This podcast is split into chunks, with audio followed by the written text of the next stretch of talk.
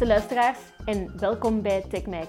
In deze show keer ik de start-up wereld binnenste buiten door ondernemers te interviewen, telkens over één specifiek onderwerp. Je kan deze show ook bekijken op mijn YouTube kanaal. Enjoy! Vandaag heb ik het geluk om Steven van Belgium naast mij te hebben. Ehm, ik ga van alles vragen over customer experience, innovatie in verschillende werelddelen en eh, waar hij eigenlijk zijn uh, passie voor het vak vandaan heeft gehaald. Welkom Steven. Dag Magali. Vertel eens, waar ben je vandaag zoal mee bezig? Echt vandaag, wil je weten.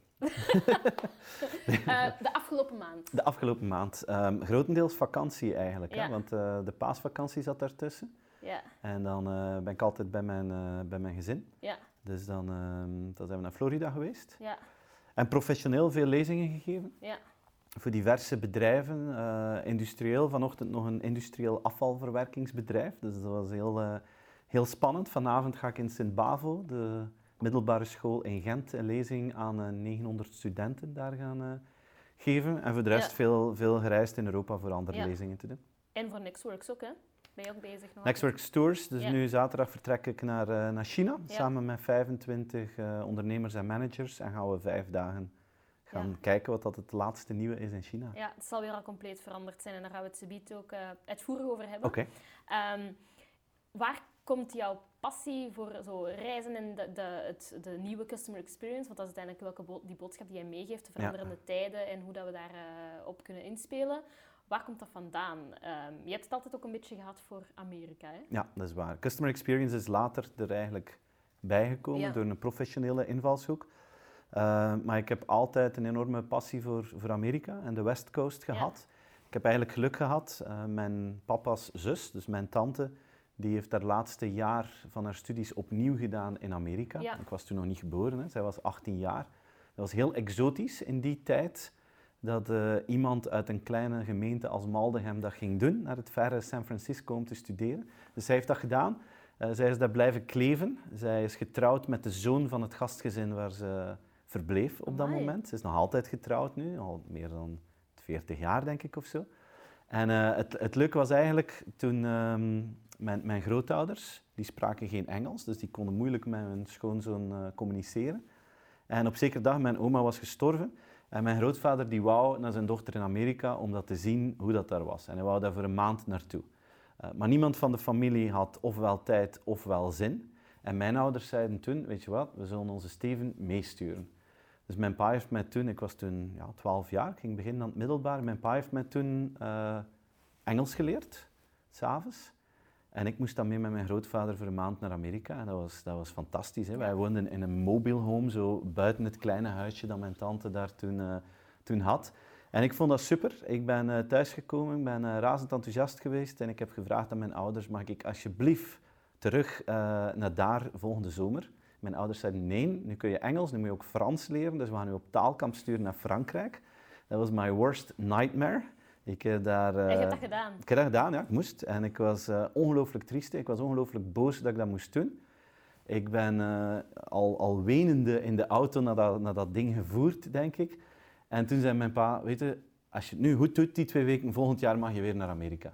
Maar, ja. En dan, het jaar nadien ben ik naar Amerika geweest en ik denk dat ik toen bijna elk jaar van mijn 14 tot mijn 21 de zomers doorgebracht heb bij mijn tante in, in Californië. En is dat dan de mentaliteit dat je daar zo tof vindt? Of, uh... Ja, ik, vond dat, ik, ja, ik vind Californië fantastisch. Hè. Dat is een smeltkroes van allerlei nationaliteiten op alle vlakken. Je hebt daar alle kleuren die daar rondwandelen, maar je hebt ook alle, type, alle types voeding. Toen in België was er ook nog niet zo'n grote diversiteit aan voeding dan dat je daar had. Dus ik vond dat fenomenaal. De natuur vond ik prachtig. En het positivisme, ik denk Amerika en zeker daar San Francisco, de mensen stellen het goed, mensen zijn, zijn enthousiast over successen van elkaar. En ik vond dat super. En um, ik heb toen ook eigenlijk um, gevraagd aan mijn ouders of dat ik, toen ik op TUNIF zat hier in, uh, in Gent, of ik mocht studeren in, uh, tijdens de zomers in San Francisco. Dus je hebt daar uh, Berkeley en Stanford. Ik heb toen, en dat mocht, ik heb toen summer courses gevolgd in Berkeley. Ja. Marketing een jaar, en, ah, even een zomer, ja. en dan de zomer daarna high-tech marketing. En dat was eigenlijk op het moment ook dat ik mijn thesis aan het doen was hier in Gent. mijn thesis is begeleid door Marion de Bruyne, die ondertussen decaan van, van de Vlerikschool is. En uh, zij was ook bezig met innovatie en ik deed mijn thesis bij haar rond het lanceren van high-tech products. En ik zat die zomer um, in Amerika, in Silicon Valley. En toen heb ik daar een twintigtal bedrijven geïnterviewd. Dat waren toen de grote namen als Intel en Cisco en Autodesk. En ik vond dat fenomenaal om daar als jonge gast met een huurauto zo rond te rijden. Ja. En die bedrijfsmensen te kunnen interviewen. En, en dat is mijn thesis geworden. En ja, dat is sindsdien altijd een passie gebleven. Ja. Ik moet ook zeggen, mijn, mijn ouders hadden een fotografiezaak in, uh, in Maldegem. En uh, mijn pa was altijd een heel innovatieve ondernemer. We waren altijd de, de, eerste die met computers dingen deden, die met personalized mailings ja. dingen deed. dat zit wel, allee, dat zit dat wel, zit wel in de familie, ja. ja. Oké, en van waar jouw passie voor uh, customer experience? Om eerlijk zijn, dat is toevallig gegroeid. Hè. Dus ik, uh, ik heb dan mijn thesis gedaan bij Marion. Die heeft mij aangeworven op Vlerik. Toen was ik haar assistent. Um, zij is toen naar Amerika vertrokken voor haar PhD te doen in, uh, in Wharton. Ik zat daar dan zielig alleen op de Vlerikschool, ja. dus ik dacht, ik ben hier ook weg. En toen ben ik naar Insights geweest, Insights Consulting, wat toen nog een heel klein bedrijfje was. marktonderzoek via online tools, over internet ook. En toen heb ik eerst heel veel onderzoek gedaan over hoe internet ja, evolueerde in België. Ik maakte de BIM, noemde dat toen. Dat was de Belgium Internet Mapping. En dat was een tweejaarlijks onderzoek voor zo'n een soort uh, doorsnede te maken van internet. En uh, ja, dat heel lang gedaan. En dan op een zeker moment uh, zat ik vooral bezig met communicatie. Ja. Alles met social media en zo. En dat is dan ook geëindigd in mijn eerste boek, The Conversation Manager. Ja. En later in Snackbites. Later in Snackbites, ja, juist. En dan uh, Conversation Company geschreven. En plots was dat een boek, zonder dat ik dat zelf besefte, over de cultuur van klantgerichtheid. En dat was eigenlijk het gevolg van social media, was dat klanten mondiger worden, dus dat de servicevereisten bij bedrijven hoger werden. En plots ging dat over een, had ik een boek geschreven zonder dat ik het besefte over customer experience. En werd ik daar zelf ongelooflijk enthousiast van. En sinds dat moment is dat nu ja, al bijna acht, negen jaar mijn, uh, mijn core focus van mijn onderzoek. Dat is eigenlijk organisch gegroeid. Ja. ja. als ik mensen vertel dat jij in mijn show komt, dan is dat van wauw, en je bent duidelijk ook uh, succesvol ondernemer. Um, maar er moeten ook momenten geweest zijn waarop je denkt van, hm, of dat je zelf bent tegengekomen. Um, kan je daar misschien iets over vertellen? Ja, een van de moeilijkste momenten voor mij, dat was het moment dat ik uh, besloten heb om bij Insights weg te gaan eigenlijk. Ja. Ik was eh, partner, mede aandeelhouder, heel succesvol groeiend bedrijf. Uh, time of my life, personal friends die daar zitten. Dus dat was eigenlijk een fantastische periode. Ik heb daar bijna twaalf jaar uh, gewerkt, mee kunnen bouwen. Heel goede herinneringen aan. En het, het, ik wou op een zeker moment echt doordoen met lezingen geven en boeken schrijven en die inspiratietak, terwijl Insights is een, ja, een top researchbedrijf. Maar dat begonnen twee verschillende werelden te worden, wat dat ik deed en wat het bedrijf deed. En toen heb ik de, de keuze moeten maken om, om weg te gaan. En dat was, uh, dat was ongelooflijk moeilijk. Dat is een van de, de moeilijkste beslissingen en moeilijkste periodes geweest voor mij. Um, in beide richtingen. Zij vonden dat op dat moment ook niet leuk. Maar we hebben dat eigenlijk op een, op een fantastische manier dan ja. kunnen afsluiten. Um, de mensen daar en ikzelf en daar ja, goed over gebabbeld, ja. lang over gebabbeld. Maar dat was voor mij een emotioneel heel zware periode. Omdat je, die men, oh, je echt zo gehecht was aan die mensen? Ik was gehecht aan die mensen. Uh, ik zat daar goed.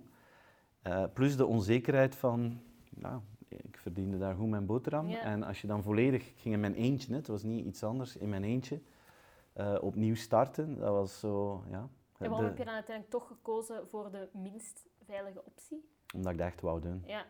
Ja. ja. En je hebt daar waarschijnlijk vandaag nog geen spijt van? Nee, ik heb daar geen nee. spijt van. Ik ben heel nee. blij um, met die stap. En ik ben blij dat de voorbije, dat is nu al zeven jaar geleden, de voorbije zeven jaar geëvolueerd is. Maar toen was dat een heel uh, ja, onzeker moment, hè. een ja, sprong In, het, in het onbekende. Maar nadat, dat, dat we dan, uh, nadat we eens een paar maanden verder waren, dan was dat... Ay, voelde ik mij onmiddellijk weer heel, uh, heel goed en wist ik van dit komt goed. Maar, die, maar die sprong zelf en die beslissing en die periode daarna, dat was heel moeilijk. Wat gaat er dan door je hoofd? Want je hebt dan ook een gezin. Ja. Um, ja je denkt ook waarschijnlijk van, ik wil dat gezin... Ja. Ja, inkomen en van die dingen. Um, heb je dan zoiets van, ik moet echt kiezen voor mezelf en wat ik graag doe? Of hoe probeer je dan toch nog zo wat op veilig te spelen? Want ja, het is, het is een risico en het is eigenlijk zelfs geen berekend risico. Want je hebt gewoon nee. gekozen van, ik wil doen wat ik graag doe. Het is een risico, maar uh, wat dan mij hielp, was de gedachte van als het niet lukt, zal ik wel ergens anders werk ja. vinden. Ja. worst case, worst case, na drie, vier maanden merk ik het lukt niet en dan ga ik er wel vanuit dat, er, dat, ik, dat ik ergens aan de bak raak. Ja, Ik hoef dit niet altijd te blijven doen als het mislukt. Dat heeft mij geholpen. Ja. Ja, en als we nu even dieper gaan inzoomen op het, uh, op het klantgerichtheidsverhaal. Ja. Um, wat zie je vandaag nog bij Belgische bedrijven als het gaat over klantgerichtheid? Is er al echt sprake van uh, verbetering of is het dikke zever? maar nee, er zijn, er zijn ongelooflijk veel goede Belgische bedrijven die elke dag keihard hun best doen om zo klantgericht mogelijk te zijn. ik denk de, wat dat iets, iets typisch Belgisch is, vind ik, wat dat, wat dat heel goed werkt, dat is een, een soort van flexibiliteit. Tussen mensen bedoel ik dan. Hè, van, er is, als je in Amerika uh, afgesproken hebt met een restaurant bijvoorbeeld, ik kom daar met een groep en ik wil last minute de wijn veranderen, dan slaan die dubbel toe. Omdat dan, eh, die volgen het proces perfect, maar als je wil afwijken van het proces, Amerikaan kan dat niet, mentaal niet aan. Terwijl in België, we zijn de, de heersers op dat vlak. Hè. Als je iets, iets wil veranderen of als je iets wil doen, dat lukt over het algemeen heel goed. Um, de grote bedrijven, vind ik, zijn met heel goede inspanningen bezig om, om stappen te zetten. Dus er, er gebeurt heel veel goede dingen. Er is ook een groter bewustzijn. Uh, onze enige uitdaging, en ja, dat, dat, dat, dat zeggen we al lang, is denk dat we op vlak van technologie ja. niet de state-of-the-art service brengen. Denk op menselijk vlak zijn wij, zijn wij relatief goed bezig en dat er goede verdienstelijke pogingen zijn. Maar op technologisch vlak, ja, denk ik, is de realiteit dat we, dat we op dat vlak achterlopen. Hè. Je bedoelt qua zelf ontwikkelen of gebruiken of beide? Beide, ja. ja. Ik denk dat er, uh, dat er relatief weinig innovatieve, echt innovatieve dingen gebeuren op vlak van klantgerichtheid uh, in, in België. Ja. Ik denk dat we daar voorzichtig zijn, dat we vasthouden aan een aantal van de bestaande manieren van werken en dat we denken van ja, dat is, dat is oké. En dan richt er iemand, uh, een start-up op die rond klantgerichtheid draait en die verkast naar Silicon Valley, Davy Kestis. Ja.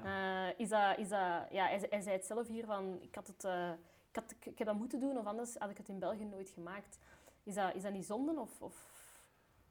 Ja, dat is zonde, maar anderzijds zijn er ook ehm, bedrijven die het hier wel goed doen. Hè? En die, eh, niet, niet iedereen moet een billion dollar company worden. Ik denk dat je hier een perfect een mooi bedrijf kunt starten met mooie, goede klanten en dat je hier heel goed in een boterham kunt, ja. Kunt verdienen. Ja. Wat denk je dat zo de, grote uitdagingen zijn waarom bedrijven nog niet maximaal inzetten op die klantgerichtheid? Is dat door te, dat te veel te beschouwen als een kostenpost? Of uh, wat zijn zo wat de argumenten? Ja, ik ben er meer en meer van overtuigd dat ze te veel op zichzelf uh, georiënteerd zijn. Ah, ja. Waarbij dat um, iedereen zijn eigen ding wil doen. En iedereen zijn eigen dingen uitvindt en nog een keer uitvindt met beperkte middelen. En waardoor dat je vaak um, interfaces hebt die, die net onder het gemiddelde zitten. Ik ben er meer en meer van overtuigd dat dat slimmer zou zijn om samen te werken. En in plaats van bedrijf A tegen bedrijf B te laten concurreren, dat je netwerk A tegen netwerk B hebt. Ja. In, de, in de US retail zie je dat nu gebeuren bijvoorbeeld. Waarbij dat sinds dat Amazon Whole Foods gekocht heeft, is, is het een kluwen van partnerships. Hè, waarbij dat um, Walmart samenwerkt met Google bijvoorbeeld voor, voor voice. Waarbij dat Kruger, dat is zo'n beetje de Colruyt van de States, die werkt dan samen met Alibaba om logistieke deliveries te krijgen hebt dan een front-end ehm, e-commerce player die eigenlijk alle retailers de mogelijkheid biedt om uh, op een heel efficiënte manier online commerce aan te bieden. Instacart noemt dat bedrijf. Die, iedere retailer maakt daar gebruik van. Dus je begint eigenlijk het bos door de bomen niet meer te zien van wie werkt nu met wie en hoe zit het precies in elkaar. Maar daardoor krijg je nu plots wel een versnelling in een... Uh, door die netwerkeffecten. Door die netwerkeffecten, ja. Dat, is, dat is één ding. Het, het, het tweede wat ik ook wel voel bij, bij Belgische bedrijven, is af en toe een ontgoocheling in de klant. Ja. Omdat ze zeggen, wij investeren in dingen en ze gebruiken het dan niet. Ik vind het beste voorbeeld is Payconic. Ja. als je met uh, Erik van den Einde van ING praat, die is ongelooflijk gepassioneerd door Payconic. Ik gebruik dat ook af en toe. Dat is eigenlijk een, een super tool. Hè. Je neemt je telefoon, je betaalt met een QR-code, fantastisch. Ja. Maar er zijn maar een beperkt aantal gebruikers. Ik denk dat er maar 300.000 gebruikers in België zijn. Terwijl dat je eigenlijk zou verwachten van, we zagen altijd dat er geen oplossing is, dan is er iets. Waarom zijn er dan geen 3 miljoen mensen die het gebruiken? Ja. Dus er is, ja, er wordt, ze maakt niets en dan denkt men ook dat het vanzelf zal gaan. Ik denk dat, dat, je, dat, dat er onderschat wordt hoeveel boost dat er nog nodig is aan awareness om zo'n dingen... Marketing eigenlijk. Ja, marketing bruikbaar te maken. Plus, Ehm, het zijn niet enkel de klanten, het zijn bijvoorbeeld bij Payconic ook de winkeliers, waarbij dat er wel een bordje staat van je kunt betalen met Payconic. Maar ik probeer het dan soms een keer zo in een kleine gemeente en als je dat dan vraagt, dan is er soms een kleine paniekgolf door die mensen van oei, er is hier iemand die wil betalen met Payconic. Hopelijk werkt het. Hè? En je ziet ze al naar elkaar kijken van wat gaan we doen. Dus die, eh, die, eh, die winkelier straalt op dat moment niet het enthousiasme uit waar, dat, de, waar dat de bank zit op te wachten. Dus er zijn op een of andere manier, het zijn drempels bij de bedrijven, het zijn drempels bij de gebruikers. Er is te weinig, te weinig, budget om het zwaar te pushen. Dus heel veel van die dingen die wij doen zijn side projects, nice to have, hè, snap je? Ja. Payconic is cool voor ING, maar het bedrijf staat of valt er niet mee. Of ze behandelen het ook niet zo. Het is pas als we echt fundamenteel die relatie met klanten anders willen doen en ze fundamenteel andere tools brengen en dat centraal zetten in de werking van een organisatie, dan krijg je een totaal andere beleving. Ja, is België daar ook niet gewoon te klein voor? Ja, ja voor sommige dingen wel. Ja. Maar als je, als je spreekt over die netwerken tussen ja, Amazon en, en, en Whole Foods, dat is allemaal over de, ja, dat is over de Verenigde Staten. Denk je dat België daarin veel meer moet samenwerken met Europa? Of is dat onmogelijk door regulering? Ik denk dat er weinig anders zal opzetten voor, voor veel bedrijven om samen te werken met technologiebedrijven. Ja. Dat is nu nog een beetje zo'n een duivels dilemma. Hè? Gaan we samenwerken met die mensen of gaan we er tegen vechten? Ik vind persoonlijk, je moet je eieren niet in één mand leggen. Je moet beiden doen. Je moet zo optimaal mogelijk gebruik maken van Amazon en van bol.com en van Facebook en al dat soort dingen. Maar je moet er ook alles aan doen om je directe relatie met je klant zelf in stand te houden. Ja. Want uiteindelijk is er een bepaald risico dat om deur een aantal technologiebedrijven tussen nu en uw klant komen. Denk aan Alexa bijvoorbeeld. Als ik uh, batterijen vraag aan Alexa en zij beslist of dat ze mij Amazon batterijen of Duracells geeft, dan moet voor Duracell is de uitdaging door die Amazon filter geraken. Als ik zelf Duracell batterijen vraag, dan krijg ik dat voorgesteld. Je gaat ook batterijen hebben die heel slecht zijn qua kwaliteit, waardoor dat ze geblokkeerd worden door de Amazon filter.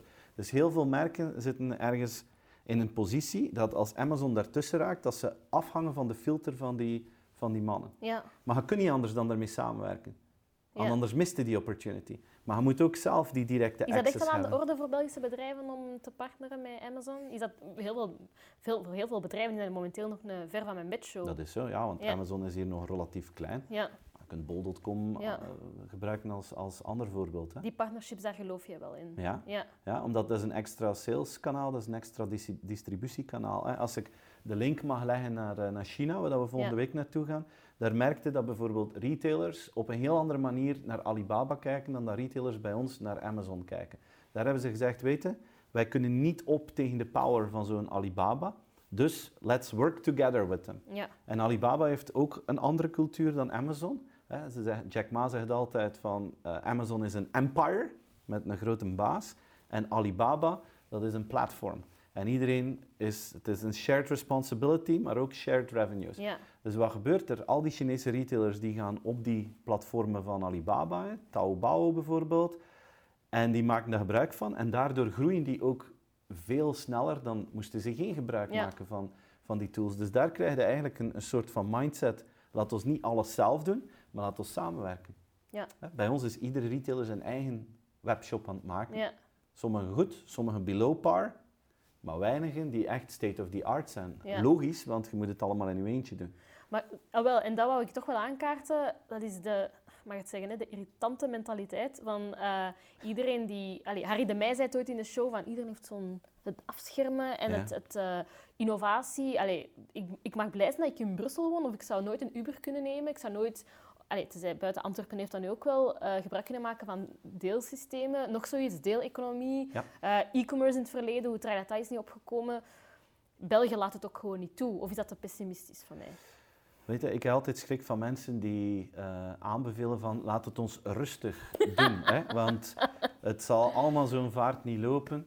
Hè? Tien jaar geleden hadden mensen die zeiden e-commerce, maar een Bel gaat dat nooit doen. En al dat gedoe daar rond, weet je.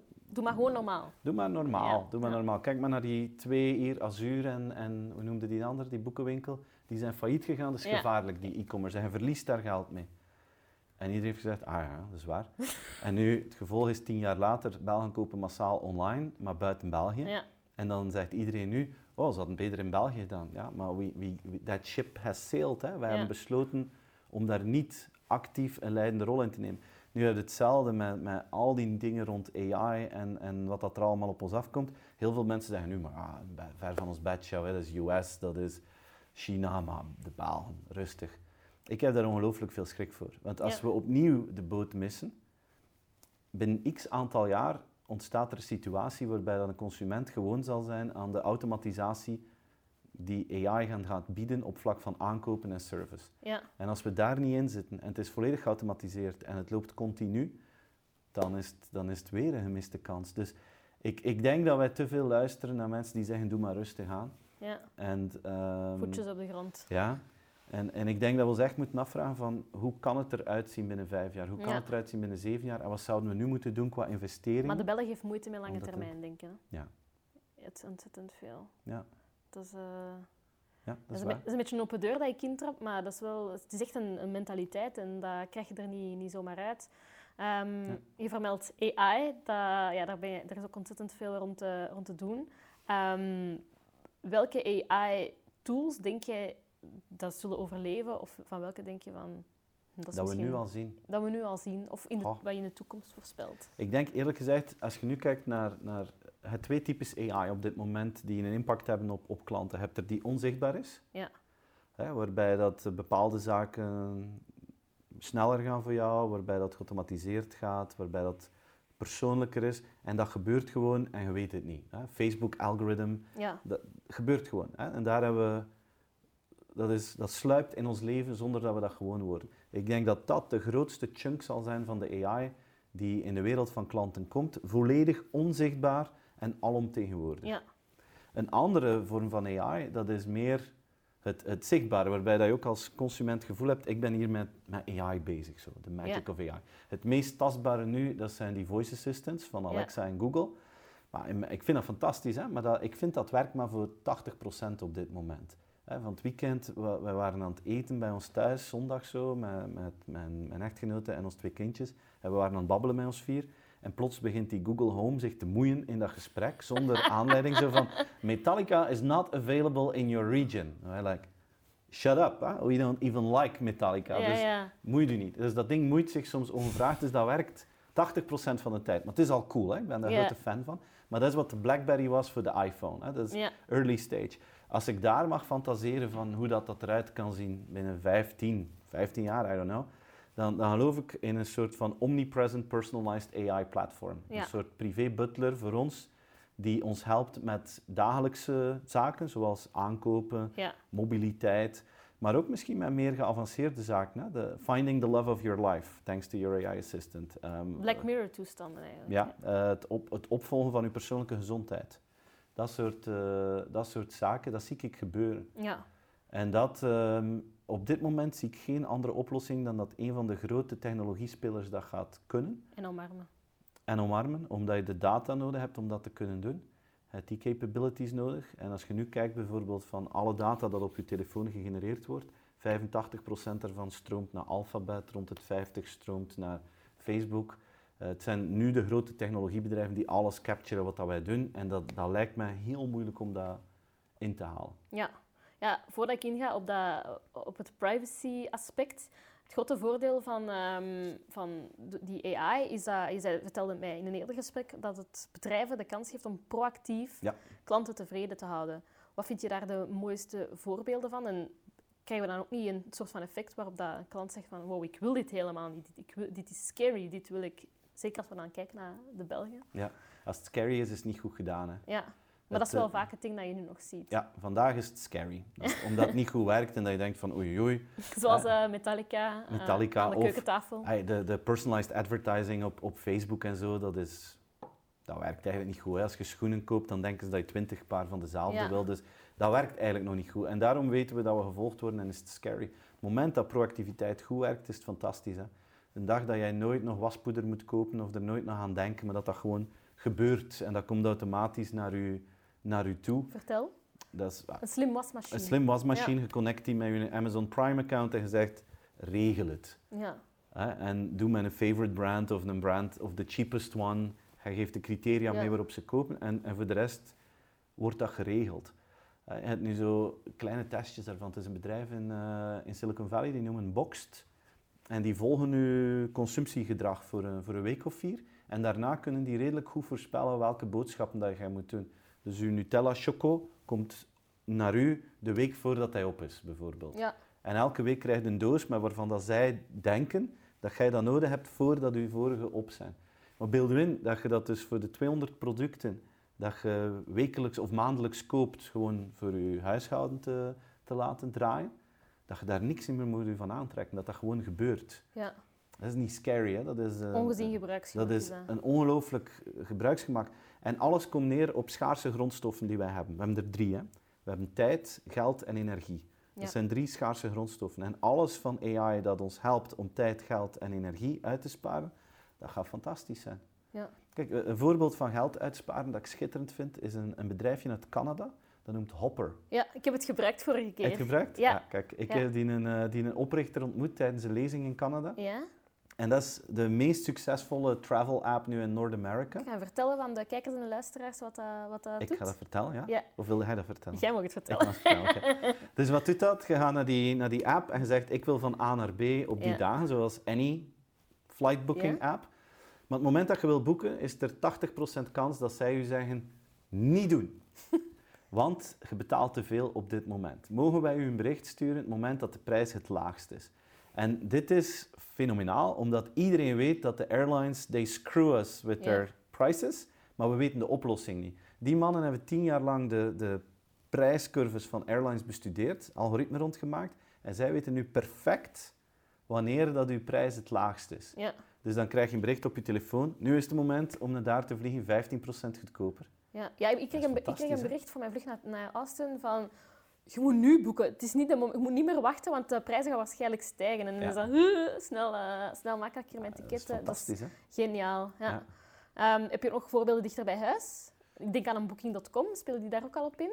Booking.com speelt daar beperkt op in, vind Ja. ik. Die zijn heel handig in ja, alles van, van eh, hotels boeken en zo, Ja. maar ik vind niet dat die predictive zijn op dit moment. Toch, Ja. niet, toch niet voor de schermen. Zij weten, zij kunnen tot nu toe nog... Ik heb nog nooit een mail gehad van Booking.com van Steven, we denken dat je naar Barcelona gaat. Eigenlijk zouden ze het misschien Ja. kunnen weten, maar ze Ja. hebben dat nog niet gedaan. Nee. Ja, nee, wat, wat, wel, wat mij wel opvalt is dat heel veel bedrijven uit de VS en Canada dan eh, op dat gebruiksgemak inspelen eh, voor een B2C-publiek, dus naar, de, naar het grote publiek. Maar in België is dat wel veelal op eh, B2B-niveau. Is dat oké of zou dat eigenlijk, heb je zoiets van, ik wil ervoor zorgen dat dat verandert? In B2B bedoel Nee, ja, dat ook B2C, eh, B2C, dat ook een B2C, een ruimere B2C-adoptie is. Omdat nu vooral die technologieën en AI Ja. vooral in een B2B-context ter beschikking wordt gesteld. Ja, maar ik denk dat dat zeker naar B2C Ja. zal, zal komen. Maar ik denk in B2B dan de mogelijkheden groot zijn. Hè? Dat Ja. is, eh, je, hebt, je hebt heel veel industrieën die conservatief zijn in B2B. En eh, ik, ik presenteer af en toe voor van die zware B2B-bedrijven. En dan is er altijd iemand die de vraag stelt. Hè, van Steven, ken je een voorbeeld uit onze industrie die alles al doet dat jij zegt? Het antwoord daarop is altijd kort en bondig. Nee. dat bestaat niet. En dan merkte dat er altijd twee groepen ontstaan in de zaal. Het een groep die denkt, zalig. Er is niemand in onze industrie dat dat doet, dus wij moeten ook niks doen. Dat was hier heel tof met die Steven, maar this is the end of the project. Je hebt een andere groep die denkt, zalig, er is nog niemand die iets doet in onze industrie. Dat betekent van zodra dat wij ook maar iets doen, dat al ongelooflijk differentiërend is. Ja. En ik denk momenteel... Hè, En wie is de grootste groep? Het is 50-50. 50-50. Ja, het is meestal 50-50. En eh, wat ik vind tegenwoordig, de leukste plek om te werken, dat is een conservatief bedrijf. En een conservatieve sector. Omdat daar niks gebeurt. Dus het is, eh, het is zo makkelijk om boven dat maaiveld uit te steken. En als je dat beslist als organisatie, wij gaan dat doen, dan kun je ongelooflijk snel punten, eh, punten gaan scoren. Ja. En de concurrentie gaat niet eens nadoen, die gaan zoiets hebben van, die zijn volledig zot geworden. Ja. Dus dat is, dat is een perfect playing ground. En Ja. er zijn heel veel B2B-markten die nu een perfect playing ground zijn om echt klantgerichter te worden op een innovatieve manier. Maar het gaat waarschijnlijk vooral van de start-ups komen, die inno zulke innovatie. Dat weet ik niet. Denk je dat grote bedrijven die slagkracht ook hebben? Ja, ja, ik denk dat grote bedrijven echt eh, heel, veel, heel veel slagkracht hebben. Hè. Ja. De, maar ze moeten daar vaak wel voor samenwerken met start-ups. Ze moeten samenwerken met start-ups. Ze moeten een soort netwerk van partnerbedrijven rond zich krijgen. Maar ze hebben een mindset nodig en ze moeten dan hun geldbeugel openen. Hey, kijk, kijk naar KBC, die zijn nu toch, denk ik, ondertussen wereldwijd erkend als een innovatief bedrijf op vlak van financial services.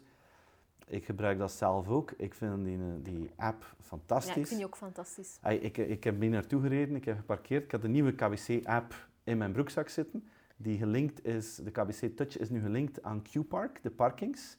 Dat is de max, hè. dus ik kom, hier, ik kom hier aangereden in de Q-Park.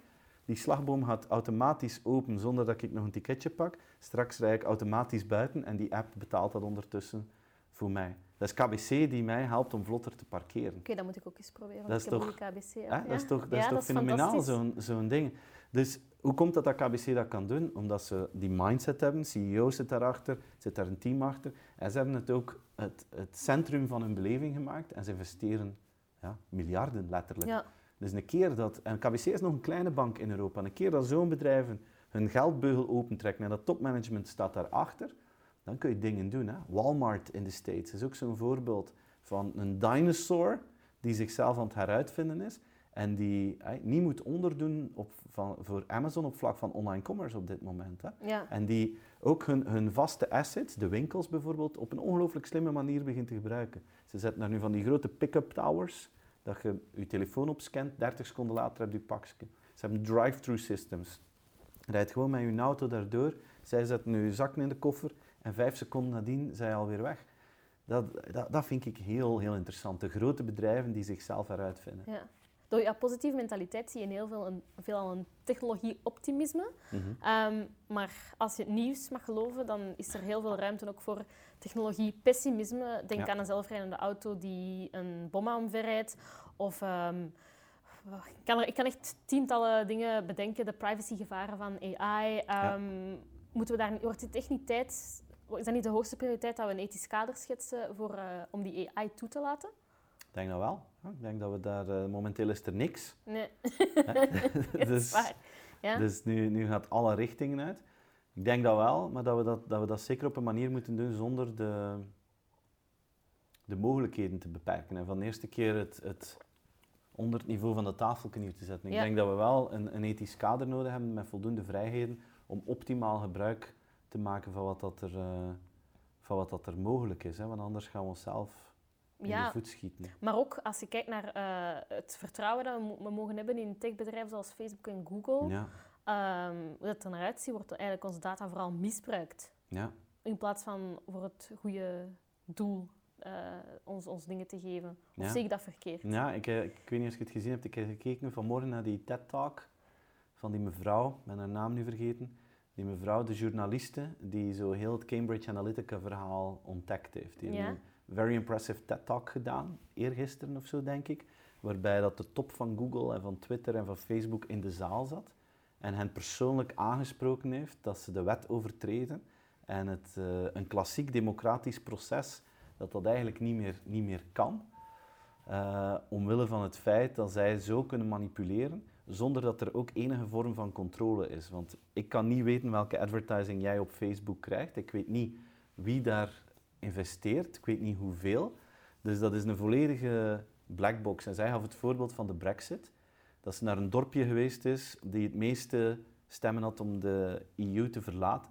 En dat dorpje was toevallig het dorp dat ook het meeste steun en subsidies van de Europese overheid had gekregen. Die deden het uitstekend. Daar hangen borden en zo van de European Government. Maar het is puur Facebook advertising die die mensen gemanipuleerd heeft. En niemand weet van wie dat ze komt, niemand weet hoeveel geld. Terwijl dat er bijvoorbeeld limieten zitten op het geld dat een partij mag investeren in uh, eh, PR voor verkiezingen om misbruik te, tegen te gaan. Nu kunnen dat niet meer controleren. En haar boodschap is de enige persoon in de wereld, of de enige die dat weten, zijn de mensen bij Facebook zelf. En die vertikken het om die data te delen. Ja. Dat was een heel pertinent, uh, indrukwekkende TED-talk. En ik denk, she has a point. Hè? Ik, ik, denk, het, het grote probleem voor AI dat heel veel zou oplossen, als we dat ontmantelen, dat is het gebrek aan transparantie. Ja, want ik kan het net zeggen. Het is een black box. We don't have a clue what they're doing. En weten, vandaag moeten grote bedrijven, kleine bedrijven, wij moeten transparant zijn over onze financials. Hè. Dat is een boekhouder die dat moet bekijken en dat, is, dat wordt gepubliceerd voor beursgenoteerde bedrijven die aan een jaarverslag, om te zien dat er niks misgaat. Ik denk dat we zoiets nodig hebben voor AI, dat er algorithm transparency komt, zodanig dat erkende instanties kunnen zien of dat er niks fout gebeurt. Ja, nee, inderdaad. Um, dringend regulering nodig eigenlijk. Ja. Denk je, denk je dat AI een bedreiging voor onze democratie kan, uh, kan betekenen? Zeker als ik nu ja, kijk met de opkomende verkiezingen. Um, wie weet. Uiteindelijk, de NVA heeft ongeveer een, hetzelfde gedaan eigenlijk met die uh, Marrakesh-pactcampagne uh, om mensen te manipuleren. Um, ja, betekent AI dan niet een bedreiging voor onze democratie? Het is geen AI hè, die de bedreiging is, het, het zijn de mensen. Ja. Ik denk dat uh, dat te gemakkelijk is om dat op, op, op een machine... Die machine heeft niet beslist, ik ga eens de brexit uh, manipuleren. Of er is geen machine die gezegd heeft, ik ga een keer misbruik maken van het immigratiepact. Dat zijn mensen die dat gedaan hebben en dan een machine verkeerd gebruikt hebben. Ja. En, en, en daar gaat het hem over. En ik denk op alle vlakken, die, die AI-mogelijkheden zijn zo groot, dat dat een soort temptation island is voor heel veel mensen.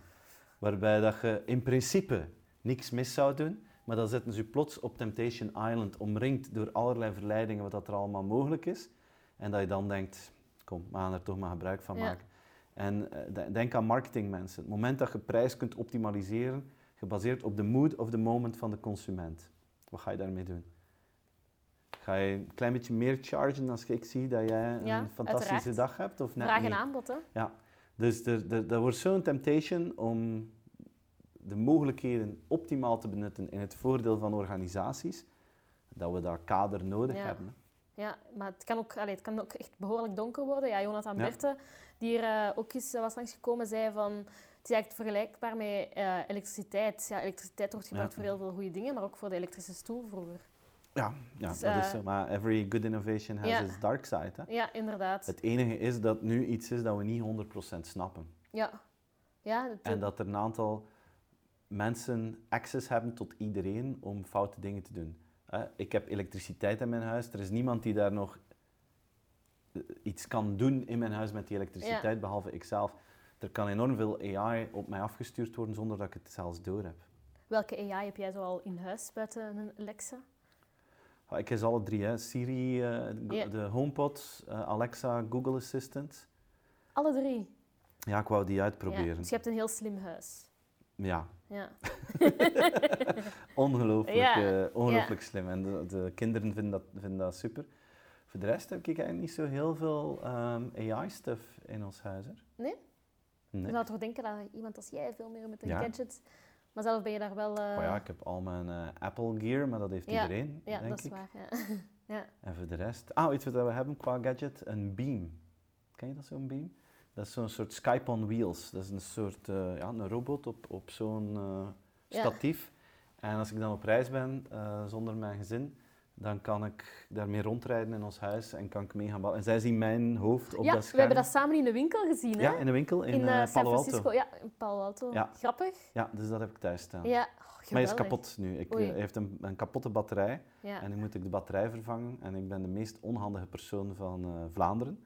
Dus dat is een project van een maand, die batterij dus, Ja, dus wanneer je naar China vertrekt, uh, mensen gaan geen uh, Stefan Belgium ik, bij je thuis door nee, huis zien. ik vrees nee, het niet. Nee, nee, nee.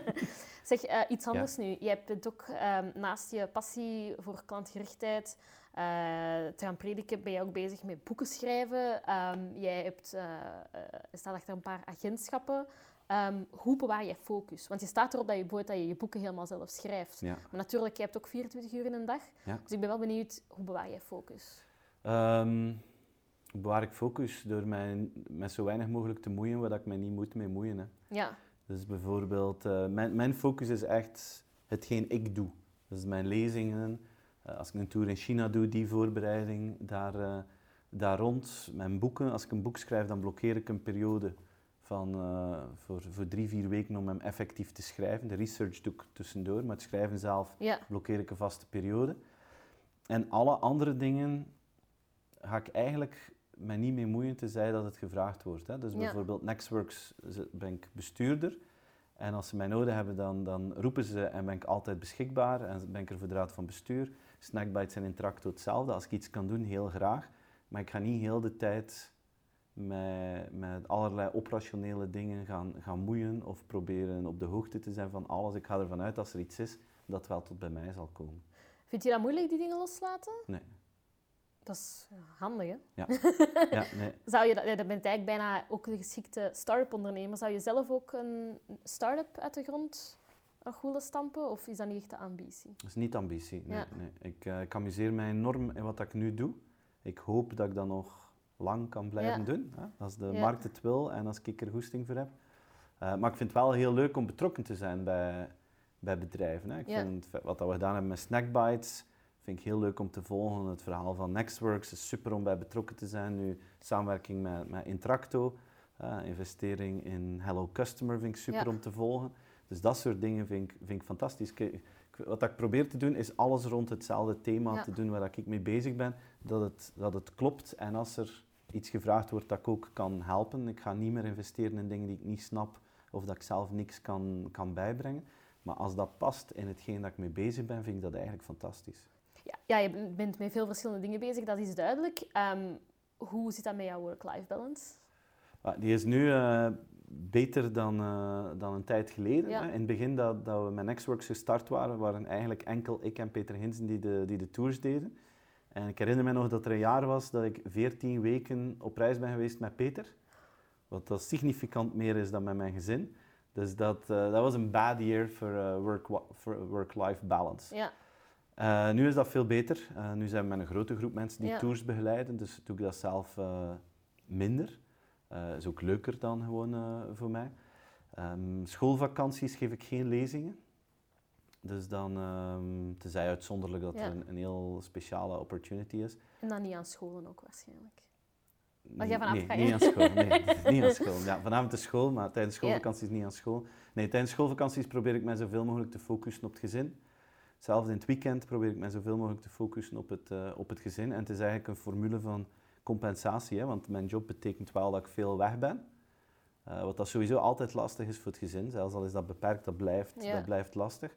Uh, maar dan probeer ik te compenseren als ik veel weg geweest ben, periodes daarna minder weg te zijn. Ja. Ja, en uh, voorlopig werkt dat. Ja. En als het, als het wordt wat minder gaat met een van je bedrijven, denk aan tegen de cijfers of bijvoorbeeld een tour dat niet volboekt gaat, ja. is het privéleven, je gezin, haal je daar dan echt energie uit? Of als je, ja, mijn gezin is, is fantastisch. Hè? Dat is, uiteindelijk is dat het belangrijkste project van mijn leven. Hè? Ja. Maar ik heb het voordeel dat als het dus ergens minder gaat, dat dat op andere plaatsen meestal goed gaat. Dus ik heb, ja. ik heb verschillende activiteiten. Um, waar dat ik energie uit haal. Ja. Het meeste energie haal ik uit hetgeen dat ik zelf doe, dus voor een publiek staan en dankbaarheid en enthousiasme voelen. Dat is heel, dat is heel leuk. Ben jij iemand die op basis van die emoties echt um, beslissingen neemt of ga je altijd kijken naar de data en de cijfermatige gegevens? Die ik ben meer op dat vlak impulsief en emotioneel. Ja. ja. Dus, Niet goed, hè, maar het is zo. Ik ben ook zo. Ja. ja, kijk, en bij deze mag ik weer een nieuwe aflevering van TechMac uh, afronden. Um, indien je het even boeiend vond als ik, dan mag je zeker een thumbs up geven. En vergeet je ook niet te abonneren als je de volgende aflevering niet wil missen. Steven, dikke merci om hier aanwezig te zijn. Dat was heel leuk.